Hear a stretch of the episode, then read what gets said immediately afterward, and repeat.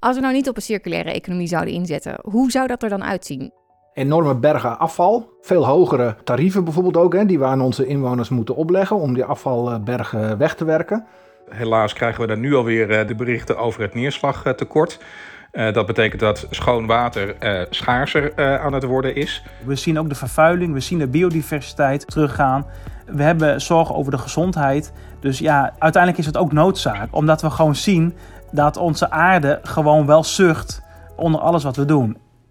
Veel decentrale overheden zijn bezig met meerjarenplannen voor circulaire economie. Er blijkt geen beter moment om elkaar te inspireren, informeren en handelingsperspectieven mee te geven.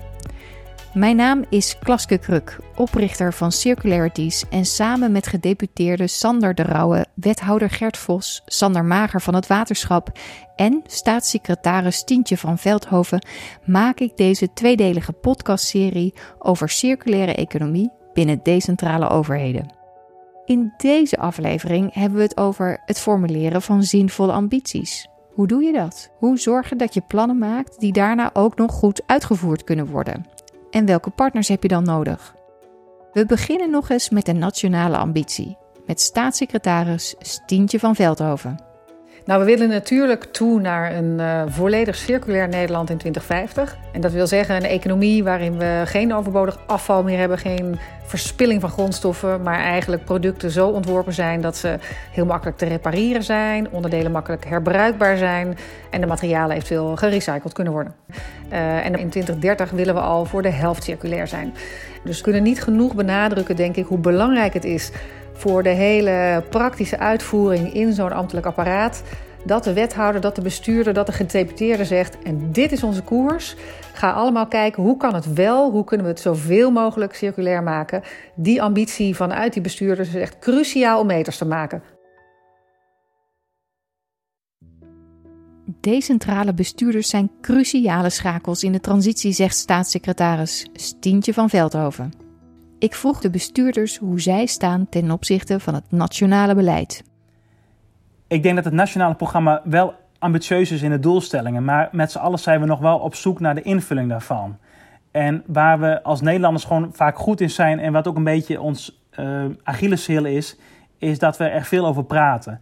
En uh, in mijn omgeving zeggen heel veel mensen niet praten, maar gewoon doen, doen, doen. Ik denk dat er twee dingen nodig zijn meer urgentie, want uh, het lijkt nog best ver weg, 2050. En 2030, uh, de helft van onze grondstoffen, nou, dat, daar heeft ook nog niet iedereen meteen een gevoel van, van, oh, dat is nog een hele opgave. Dat is het volgens mij wel. En vanuit die urgentie ook echt zorgen dat we een concreet actieplan gaan maken. En ik zie dat daar nog heel veel werk te doen is. Sander de Rauwe van provincie Friesland en Sander Mager van het waterschap Amstel, Gooi en Vecht ervaren zelf de urgentie en de behoefte om echte verandering tot stand te brengen. Maar zien ook dat de doelstellingen onvoldoende handelingsperspectief bieden. Dat kan een afremmende werking hebben. Gert Vos van de gemeente Hogeveen omschrijft dat in het gesprek dat ik met hem had. Gaan jullie harder of minder hard dan het nationale beleid? Ja, vroeger, uh, als je net als wethouder begint en, en toen hele duurzaamheidsdenken in Nederland op gang kwam, zag je wel gemeenten uh, of raden hè, die, die vonden dat je sneller moest gaan dan de nationale programma's. Nou, ik zou wel blij zijn als we gewoon volgens die nationale doelen het programma kunnen aflopen. Daarvoor is wel nodig dat we ze wel heel stevig verankeren in ons beleid. En dit punt heb ik wel voor mezelf genoteerd om ook mee te nemen in de opmaat naar de begroting voor 2021. Want we zullen hier toch mee aan de slag moeten, want anders blijven het vage woorden hoge doelen, hoog over, ver genoeg weg om het te halen, maar dichtbij genoeg om morgen te beginnen. Omdat een circulaire economie op alle activiteiten in de regio van toepassing is, is het een gigantische opgave. Zonder lokale concretisering van de nationale doelstellingen is het heel moeilijk om serieus met het thema aan de slag te gaan. Want waar begin je? Als we zeggen in 2030 de helft van onze grondstoffen uh, gebruiken, nou, dan moeten we wel weten waar we het over hebben. Uh, uh, hoeveel grondstoffen gebruiken we dan uh, nu op dit moment?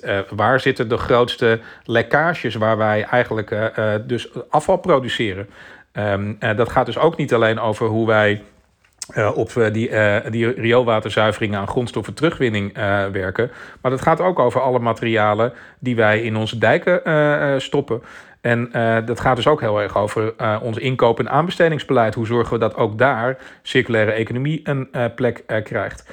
Dus het gaat over die dingen inzichtelijk maken, weten bij welke handelingen je daar vervolgens ook echt op in kan zetten, waarmee je het verschil kan, kan maken. Ik denk dat dat is wat nodig is om van een, nou, een mooie, maar toch wat conceptuele, abstracte ambitie van de helft minder grondstof in 2030 en 100% circulair in 2050 te komen van wat kunnen wij nou doen. Op zoek gaan naar de start- en aanknopingspunten dus. Daarom zoeken de meeste decentrale overheden in eerste instantie één of enkele speerpunten om zich op te focussen. Met als populaire thema's bouw, biomassa en maakindustrie. Als die focus er niet is, komen ambtenaren die met het thema aan de slag zijn vaak om in het werk omdat alles relevant lijkt. Wanneer eerste stappen gezet zijn, breiden de meeste decentrale overheden hun focus uit. Zoals dat ook in Friesland gebeurde, waar in 2015 door de vereniging Circulair Friesland werd begonnen met vijf focusgebieden en dat in een paar jaar tijd hebben weten uit te breiden naar maar liefst negen gebieden. Dat beleid leidde ertoe dat de provincie Friesland in 2017 werd uitgeroepen tot de meest circulaire regio van Nederland. Gedeputeerde Sander de Rauwe. Nou, laat ik een winstwaarschuwing geven voor iedereen die met circulaire economie aan de slag wil gaan. Het is wel verslavend. Dus op het moment dat je de smaak te pakken hebt, wil je meer gaan doen en zie je ook meer. Ik denk wel dat het heel erg helpt om aan het begin goed te kijken Waar ben je bijvoorbeeld goed in? Waar heb je echt toegevoegde waarde? Waar zit je zelf met je handen als bestuurder aan de knoppen? En probeer het dichtbij uh, te brengen en vanuit daaruit te ontwikkelen. Maar nogmaals, op het moment dat je er eenmaal mee bezig bent, ga je op steeds meer terreinen zien dat je circulaire principes kan toepassen, kan afdwingen, kan stimuleren en kan ontdekken. De focusgebieden waarop ingezet wordt zijn divers grondweg- en waterbouw, plastic, huishoudens, ketensamenwerking, circulaire bedrijvigheid, regelgeving, noem maar op. Kan je ook verkeerd kiezen? Ik denk het wel.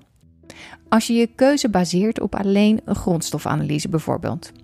Een populaire manier om met circulaire economie aan de slag te gaan.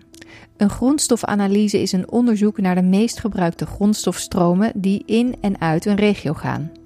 Die grondstoffen vormen dan de basis voor de lokale focus die bedacht wordt.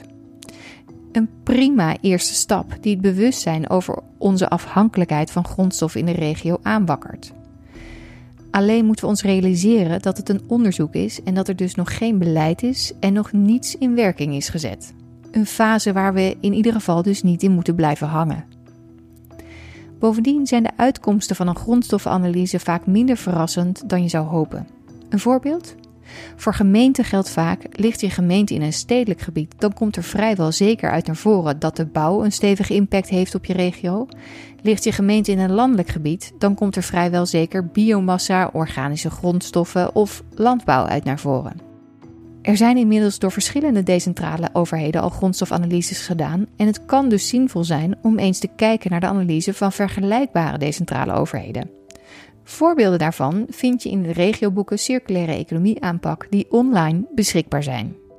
En neem ook andere aspecten dan alleen grondstoffen om tot een goed en breed gedragen focus te komen. Zo kan het zinvol zijn om een circulaire economie aan te laten sluiten bij andere politieke belangen en thema's, zodat je draagvlak creëert bij de rest van het bestuur.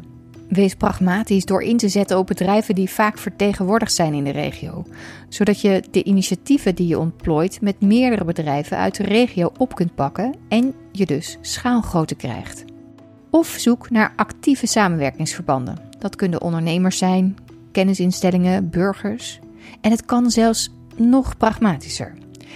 Ik zie ook wel eens decentrale overheden inzetten op focusgebieden waar simpelweg de financiële middelen beschikbaar voor zijn. Binnen de eigen organisatie, maar ook externe organisaties zoals bijvoorbeeld een provincie, het Rijk of op Europees niveau. Rekening houden met deze aspecten zorgt dat je meer kans hebt op een succesvolle uitvoering. Het zorgt voor een toegankelijk handelingsperspectief en draagvlak. Het feit dat je een drive hebt om serieus met circulaire economie aan de slag te gaan, wil natuurlijk niet zeggen dat je daarna altijd precies weet wat de weg voorwaarts is. Circulaire economie is net als alle andere innovatie. Je weet waarom je het doet, maar je weet van tevoren niet precies wat de concrete resultaten zullen zijn. Zo zegt ook Sander de Rauwe uit Friesland. We willen in 2025 behoren tot de meest circulaire regio van Europa. Dat is op zich meetbaar, omdat er ook in Europa nu een programma loopt die een benchmark laat zien en mogelijk maakt om te laten zien waar sta je, wat kun je. We hebben ook de ambitie afgesproken over circulaire inkopen. 10% nu dit jaar in 2020, uh, 25% in 2025. Ik weet dat we nog niet de complete antwoorden hebben over hoe je dat laat zien. Maar het feit dat je het neerzet en daaraan werkt en in je aanbestedingen keer op keer aandacht vervaagt, betekent wel dat je op weg bent. Op die manier moet je het aan de ene kant concreet maken en aan de andere kant steeds een stap naar voren durven te zetten, terwijl je niet weet hoe precies de route verloopt. Sander de Rauwe zegt dus dat zij onder andere inkoop als focuspunt hebben gekozen. En dat ze daar een concrete ambitie op geformuleerd hebben. 10% circulaire inkoop in 2020 en 25% in 2025. Een helder eerste uitgangspunt naar de eigen organisatie en voor gesprekken met partners buiten de organisatie. Dus wil je inzetten op bouw, dan kan je ambitie bijvoorbeeld zijn: in 2025 willen we tenminste 5 circulaire bouwprojecten hebben gerealiseerd en in 2030 15%. Of als je biomassa kiest, in 2023 hebben we 10% van onze biomassa omgezet in hoogwaardige biobased producten. Of wanneer de focus bedrijvigheid is, in 2025 willen we 20% van de lokale MKB bereikt hebben met trainingen. Ik noem maar wat. Blijf realistisch, maar durf daarbij ambitieus te zijn. Het risico bestaat anders dat je blijft haken in knuffelbare kleine initiatieven waarmee je niet in de buurt komt van de nationale doelstellingen. En kies een tijdseenheid die dichtbij genoeg is om mensen in een actiemodus te krijgen. Door de ambities op deze manier te formuleren, wordt het ook mogelijk om circulair beleid te verantwoorden, doordat de ambities meteen meetbaar zijn. En daar is overal grote behoefte aan. Verschillende organisaties, zoals het PBL, zijn bezig met meetmethoden te ontwikkelen. Maar het goede nieuws is dat je niet hoeft te wachten op een meetmethode voordat je kan beginnen. Bij veel circulair beleid, programma's of projecten kom je vaak al best ver met een kwalitatieve inschatting van de effecten die je nastreeft. Probeer bijvoorbeeld uit te drukken wat het effect gaat zijn in termen van emissiereductie, materiaalbesparing, werkgelegenheid en sociale waardecreatie of iets anders waarop jullie zouden willen sturen. En bedenk in termen van laag, middel of hoog wat het effect zou kunnen zijn. We kunnen vaker dan we denken gewoon vertrouwen op ons logisch verstand, want meestal benaderen die inschattingen de realiteit best goed. We zijn als eh, waterschap Amsterdam in Vecht op dit moment bezig om onze eigen visie circulaire economie te maken. we hebben in ons bestuursakkoord wel gezegd dat we ambitieus willen zijn. Dat we echt op zoek willen gaan naar hoe we een nog veel bepalendere rol kunnen spelen in, die, in die transities. Zowel in het terugwinnen van grondstoffen als in het produceren van, van duurzame energie. Eh, maar ook bij ons gaat het erom uh, van uh, mooie ambities, maar nu een concreet actieplan. Ja, Sander Mager noemt hier een andere uitdaging. Als je een focus en een ambitie hebt, hoe kom je dan tot een visie of een actieplan, een routekaart of hoe je het ook wil noemen? En vooral met wie? Een effectieve manier is door circulaire economie toe te passen op alle thema's waar je eigen organisatie verantwoordelijk voor is. Dus niet alleen circulair, duurzaamheids- of afvalbeleid, maar juist in beleid als economie, grondweg- en waterbouw, gebiedsontwikkeling, groenbeheer, facilitair bouw enzovoort. En dat is helemaal van belang als je inzet op circulair inkopen. Daar is namelijk niet zozeer alleen een inkoper mee belast, als wel de projectleiders van de projecten die ingekocht gaan worden. Als zij geen circulaire principes meenemen vanaf het begin van een project, kan een inkoper vaak weinig meer doen.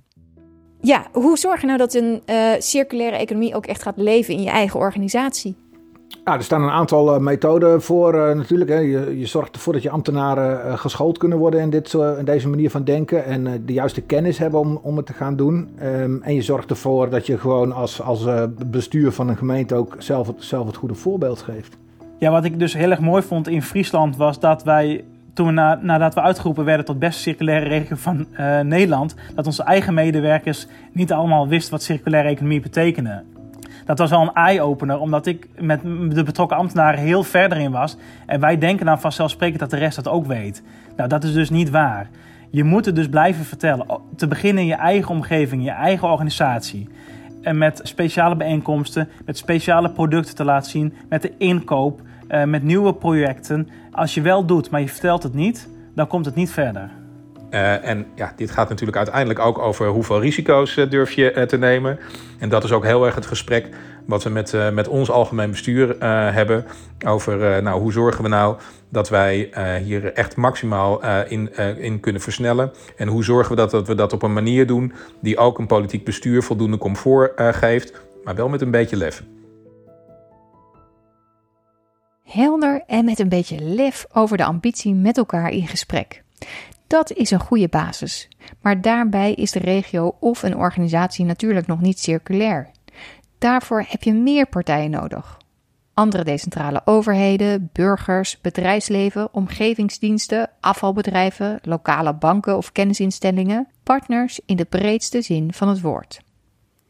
Vaak willen we aan de slag, maar we vergeten dat er ook anderen zijn die al vergevorderde plannen hebben. We proberen het wiel opnieuw uit te vinden en dat is, zeker met schaarse middelen, niet zo handig. Bovendien, zegt Sander Mager van het waterschap, sommige dingen kunnen we helemaal niet alleen. Nou, ik denk een mooi voorbeeld is uh, dat we uh, vorig jaar uh, ook vanuit de Unie van Waterschappen gezorgd hebben dat er een advies kwam van de commissie Zorgdrager, herijking afvalstoffen. Nou, dat is een, een, een typisch rapport wat aangeeft dat als je echt wil dat we anders met grondstoffen omgaan, dus wil dat die grondstoffen niet meer de status van afval hebben als we die terugwinnen, winnen, dan moet je op heel veel verschillende punten moet je veranderingen gaan organiseren.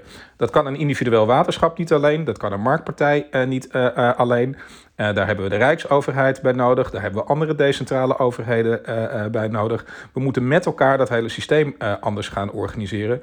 Dus we moeten ook met elkaar echt op zoek gaan naar wat de obstakels zijn. En met elkaar leren hoe we die ook kunnen overkomen. En dat dan ook vervolgens met elkaar gaan organiseren. Ik denk dat dat het allerbelangrijkste is waar het op haakt. Precies, samenwerken dus. Natuurlijk zelf nadenken over eigen focus en ambitie. En daarna met elkaar in gesprek om te zien hoe je ambities samen kan invullen.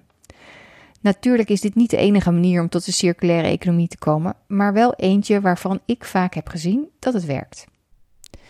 Lukt dat samenwerken ook al? vroeg ik Gert Vos, wethouder in Hogeveen.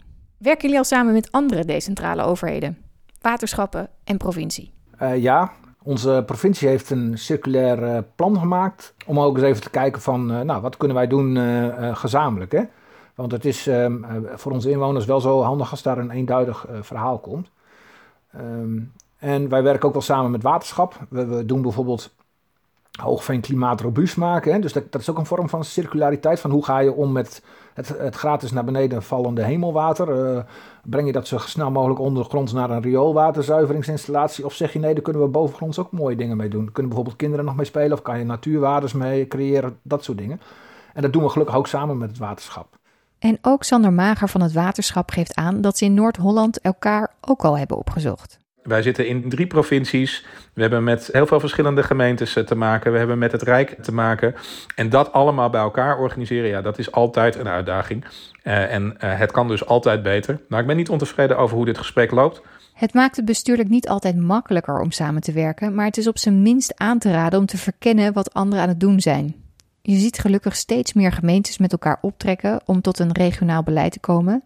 Je ziet ook steeds meer provincies die het belangrijk vinden om met hun eigen gemeenten en waterschappen samen te werken. Voor veel provincies geldt dat ze samenwerkende gemeenten zelfs financieel willen of kunnen ondersteunen met hun circulaire plannen. Daarvoor is samenwerking dus wel essentieel. Als het gaat over samenwerken met bedrijfsleven, dan zie ik verschillende smaken. Er zijn decentrale overheden die hun circulaire beleid alleen maar focussen op bedrijvigheid.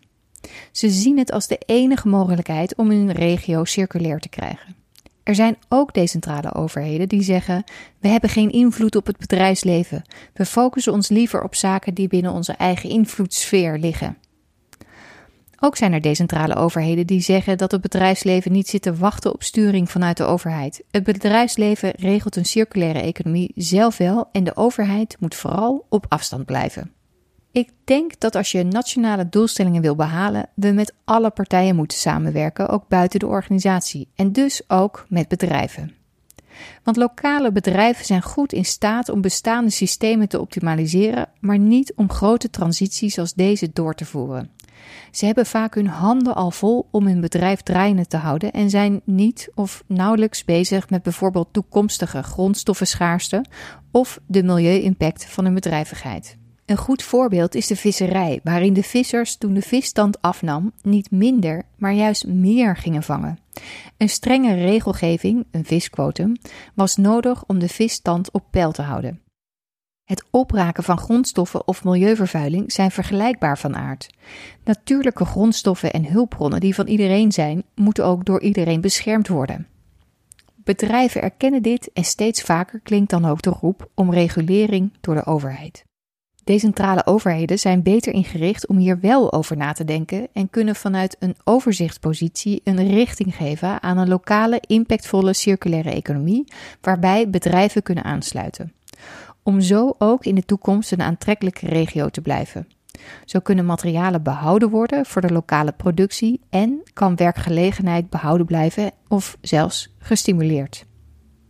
Een goed voorbeeld uit Friesland.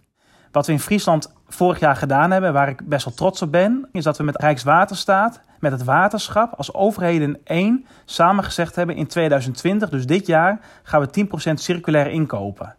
En de kracht daarvan vond ik ook dat we dat met de vereniging Circulair Friesland deden, waar 100 bedrijven inmiddels lid van zijn. En die bood aan, oké, als jullie dat gaan tekenen, dan maken wij een catalogus waarin we al onze producten die we circulair hebben aanbieden. Zo zorgen aan de ene kant voor ambitie bij overheden en aan de andere kant voor aanbod van bedrijven die iets aan te bieden hebben en brengen dat bij elkaar. En eigenlijk is dat in drie maanden tijd gebeurd en heeft dat plaatsgevonden omdat iedereen in een goede stand stond. In Friesland gingen dus samenwerkende decentrale overheden vanuit hun focus en ambitie het gesprek aan met bedrijven. En vraag en aanbod kwam bij elkaar. Ik hoor wel eens, we kunnen niet met één bedrijf werken, want dan trekken we er één voor en we bereiken er geen schaalgrootte. Dat is een reden om samen te werken met partijen die direct toegang hebben tot meerdere bedrijven. Zoals industrie- of bedrijventerreinen, ontwikkelingsmaatschappijen, bedrijfsafvalverwerkers, start-up hubs, lokale banken, ondernemersverenigingen enzovoort. Drie daarvan wil ik graag toelichten. Laten we beginnen bij banken. Alle banken in Nederland zijn bezig met circulaire economie. Zij realiseren zich dat investeringen in bedrijven die niet met een circulaire economie bezig zijn, niet levensbestendig zijn. En bedrijven die dat wel doen, al op korte termijn een stuk rendabeler zijn. Lokale banken kennen vaak ook lokale ondernemers en zij zijn op die manier een interessante partner om mee samen te werken en bedrijven te bereiken. Ook omgevingsdiensten komen regelmatig over de vloer bij lokale bedrijven. Bovendien houden zij zich al bezig met milieuregelgeving.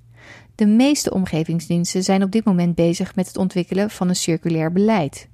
En sommigen willen een adviserende rol gaan spelen bij bedrijven om ze te helpen met circulaire vraagstukken. Maar zijn geholpen met een groter mandaat en ambitie vanuit hun opdrachtgevers, provincies en gemeenten. Waterschappen die weer gecontroleerd worden door omgevingsdiensten zien dit ook als een punt waarop beter samengewerkt kan worden. Sander Mager over omgevingsdiensten. Uh, nou, ik, ik, denk dat we daar dus een punt hebben waar we nog beter samen kunnen uh, werken. Um, en ik denk dat daar juist nog veel meer het gesprek zou moeten uh, gaan over nou, de dingen waar wij tegenaan lopen. Als het gaat over het terugwinnen van, van grondstoffen en het hergebruik van grondstoffen. En dat dat een gesprek moet zijn wat we niet alleen met de omgevingsdiensten hebben, maar zeker ook met die provincies en gemeenten, omdat zij de omgevingsdiensten juist weer aansturen. Maar daar moeten nog volgens mij hele grote slagen gemaakt worden. Dit voorbeeld komt natuurlijk van een andere decentrale overheid, een waterschap, maar dit is ook een vaak gehoord geluid van lokale bedrijven. Als laatste nog een andere populaire aanvliegroute om met bedrijven samen te werken: industrie- of bedrijventerreinen. Een goed idee om hier de samenwerking op te zoeken. Alleen wat vaak geprobeerd wordt, is om het afval van bedrijf A in te zetten als grondstof voor de productie van bedrijf B. We noemen dit industriële symbiose of populairder gezegd, van afval naar grondstof. Het principe klinkt logisch en aanlokkelijk, maar in werkelijkheid is het vaak lastig om van de grond te krijgen. Afval van bedrijf A moet namelijk op het juiste moment beschikbaar zijn, in de juiste hoeveelheid en in de juiste kwaliteit voor bedrijf B. En dat is zelden het geval. Bedrijven zijn vaak huiverig om hun productieproces afhankelijk te laten worden van andermans afval.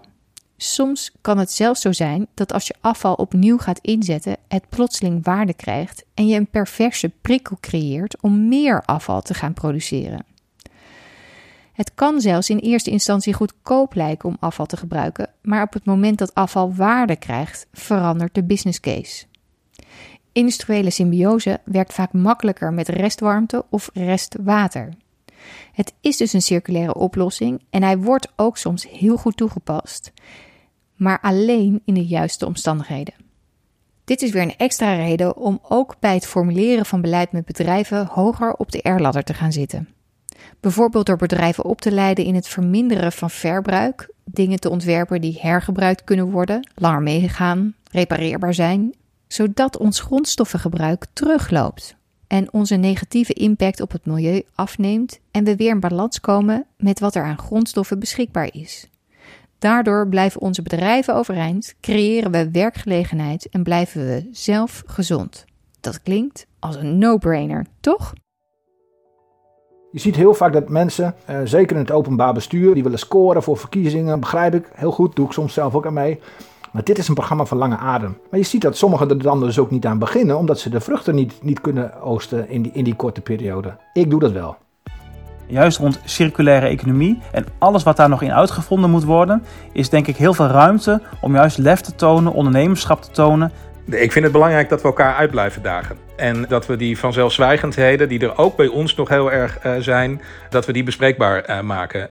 We willen het niet alleen, we kunnen het ook. En ja, ik sta heel erg open voor mensen die met een idee komen van... joh, waarom doe je dit nou zo? Heb je er wel eens over nagedacht dat dat ook anders uh, zou kunnen? Mogen ze je bellen? Absoluut, ja.